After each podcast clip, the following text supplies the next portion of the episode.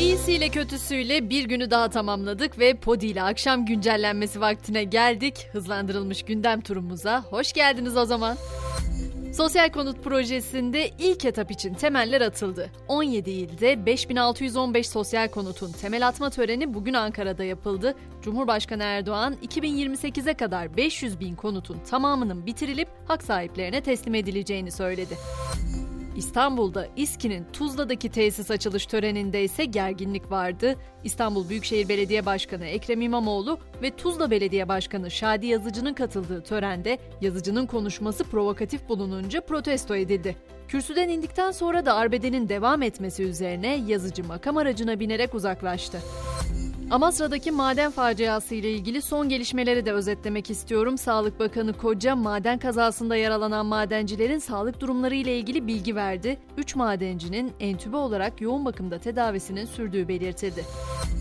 Peki dünyada neler olup bitiyor? Biliyorsunuz en çok konuştuğumuz ülke İngiltere bu aralar. Yeni Başbakan Rishi Sunak, Kral 3. Charles'la buluştu ve kralın kendisinden yeni bir hükümet kurmasını istemesiyle de resmen Britanya'nın başbakanı olarak atandı. Başbakan olarak ilk konuşmasını ise başkanlık konutu 10 numaranın önünde yaptı Sunak ve dedi ki ekonomik bir krizin içindeyiz, ülkeyi birleştireceğim.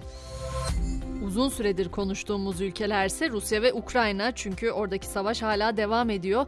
Estonya ve Finlandiya'dan sonra Ruslara bir yasak da Çekya'dan geldi. Çekya Dışişleri Bakanı Schengen vizesi bulunan Rus vatandaşlarının bugünden itibaren ülkeye girişlerine izin verilmeyeceğini açıkladı.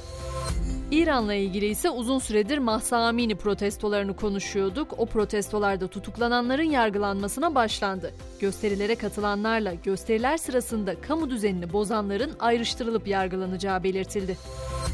Hazır yolumuz İran'a düşmüşken oradan dikkat çekici bir haberi de aktarmak istiyorum. Dünyanın en kirli adamı hayatını kaybetti. İran'da hastalanmaktan korkması nedeniyle 50 yıldan uzun süredir yıkanmaktan kaçınan yaşlı adama köylülerin çabasıyla yıllar sonra banyo yaptırıldı. Ancak adam birkaç ay sonra hastalandı ve 94 yaşında hayatını kaybetti.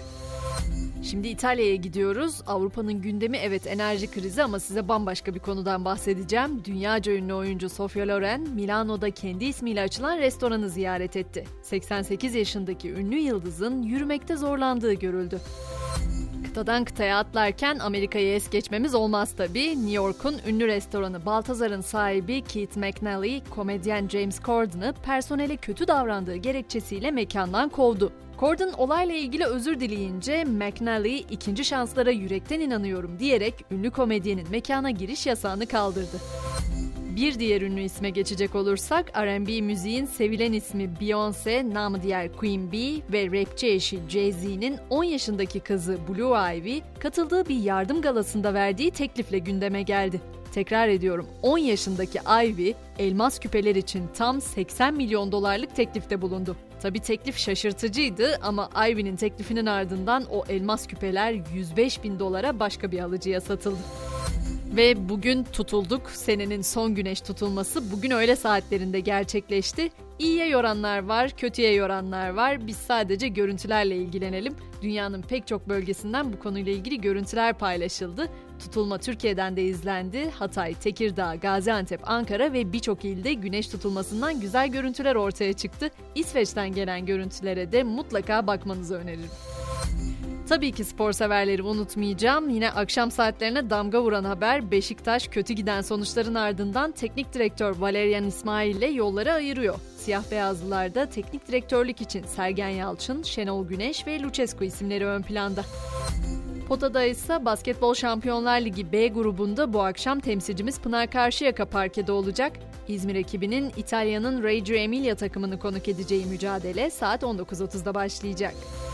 Ben Gizem, bir günün daha sonuna geldik. Yarın sabah 7'de tekrar buluşmak üzere. Şimdilik hoşçakalın diyorum.